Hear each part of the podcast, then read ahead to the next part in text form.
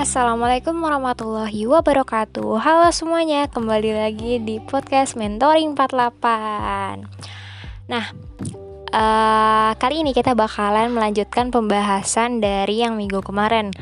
Kalau minggu kemarin kita udah bahas aktivitas pada waktu sahur di bulan Ramadan Kali ini kita bakalan beranjak untuk membahas aktivitas pada waktu subuh. Nah di sini tuh emang bukunya tuh emang sedetail itu ya per waktu apa ya per waktu sholat itu dijabarin gitu apa aja sih yang bisa kita lakuin ibadah ibadah apa aja yang bisa kita lakuin supaya kita bisa memaksimalkan pahala di bulan Ramadan. Nah, jadi di sini udah ada nih beberapa aktivitas yang bisa kita uh, lakuin pada waktu subuh. Pertama, tentunya kalau uh, waktu subuh itu ditandai dengan uh, azan subuh kan. Tentu aja gitu. Nah ketika mendengar azan subuh ini uh, sama sih. Seperti azan-azan uh, yang lain gitu nggak cuma subuh. Tentunya disunahkan kita untuk mengucapkan seperti apa yang diucapkan oleh muazin. Nah, selain itu, kita juga disunahkan untuk bersalawat kepada Nabi Muhammad setelah mendengarkan azan yaitu dengan membaca Allahumma sholli ala Muhammad atau kita juga bisa membaca sholawat Ibrahimiyah seperti yang dibaca pada saat tasyahud. Nah, selain itu uh, kita juga bisa nih setelah mendengar azan subuh kita bisa memanjatkan doa sesuai dengan keinginan kita. Kan kita tahu juga ya kalau misalnya ada waktu-waktu uh, doa mustajab gitu. Nah, salah satunya ini nih doa antara uh, azan dengan ikomah itu setahu aku adalah salah satu doa waktu doa yang mustajab. Jadi sama sekali nggak ada salahnya kalau misalnya kalian berdoa di antara waktu tersebut gitu. Siapa tahu terkabul ya. Nah uh, selain itu itu uh, apa ya sunah-sunah yang bisa kita lakuin pada saat azan subuh maupun setelahnya gitu Nah, selain itu kita juga bisa uh, mengerjakan qobliyah subuh nih. Jadi ya sholat sunnah qobliyah dua rakaat sebelum subuh. Karena karena kenapa sih? Harus nggak harus sih. Cuma ini kan sunnah kan. Tapi ini tuh reward dari Allahnya tuh besar banget. Ada hadis yang mengatakan kalau uh, kalau kita mengerjakan dua rakaat qobliyah subuh itu pahalanya apa ya melebihi dunia dan isinya gitu.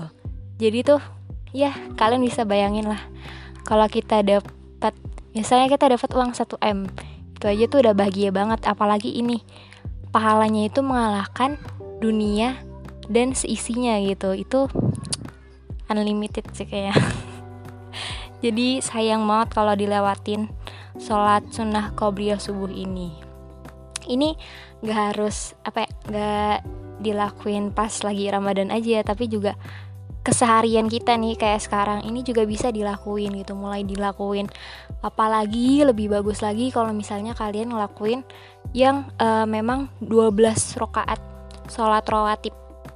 Jadi ada tuh nanti uh, yaitu dua rakaat sebelum subuh terus juga empat rakaat uh, sebelum zuhur terus dua rakaat sesudah zuhur, terus dua rakaat sesudah maghrib, dan dua rakaat sesudah isya.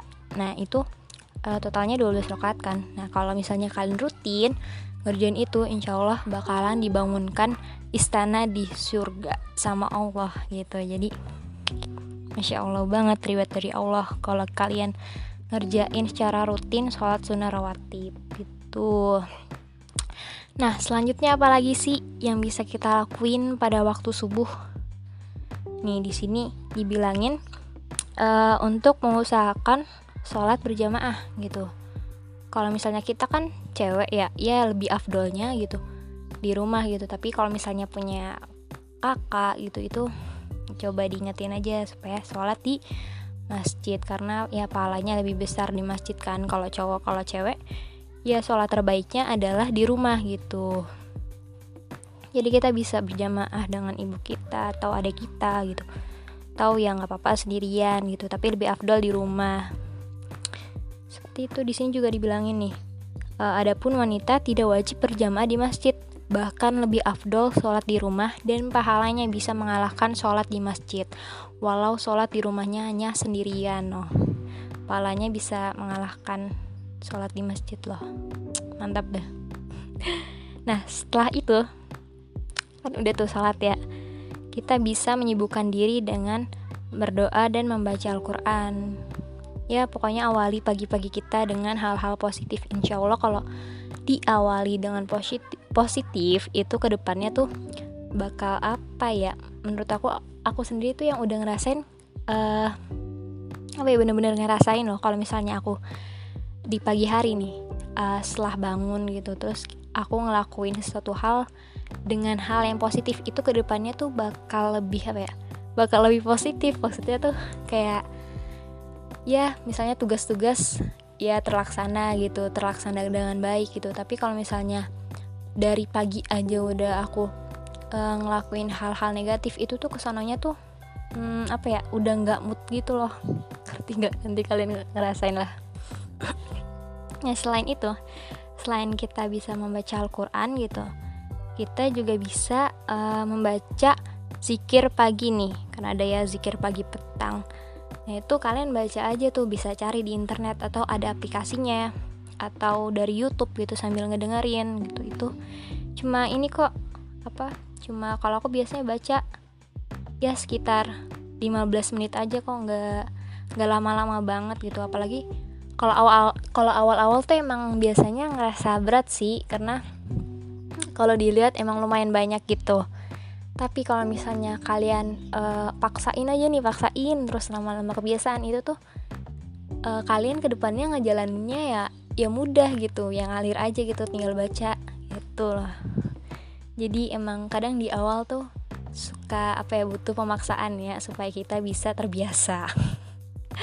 Gitu deh guys nah uh, itu aja sih gitu. Nggak terlalu banyak aktivitas pada waktu subuh yang bisa kalian lakuin supaya bisa benar-benar memanfaatkan dan memaksimalkan setiap detik yang ada di bulan Ramadan gitu. Pokoknya ya uh, apa ya jangan nyanyain waktu kita buat nger apa yang ngerjain hal-hal yang uh, sia-sia di bulan Ramadan karena ya kita cuma dikasih waktu 30 hari itu 30 hari dalam setahun dan kita nggak tahu tahun depan kita bisa dapat Ramadan lagi ya tahu enggak gitu guys nanti buat yang mau nanya-nanya sesuatu baik di apa ya berkaitan dengan topik ini ataupun di luar topik langsung aja tanyain di grup Yeay, sekian. Terima kasih semuanya.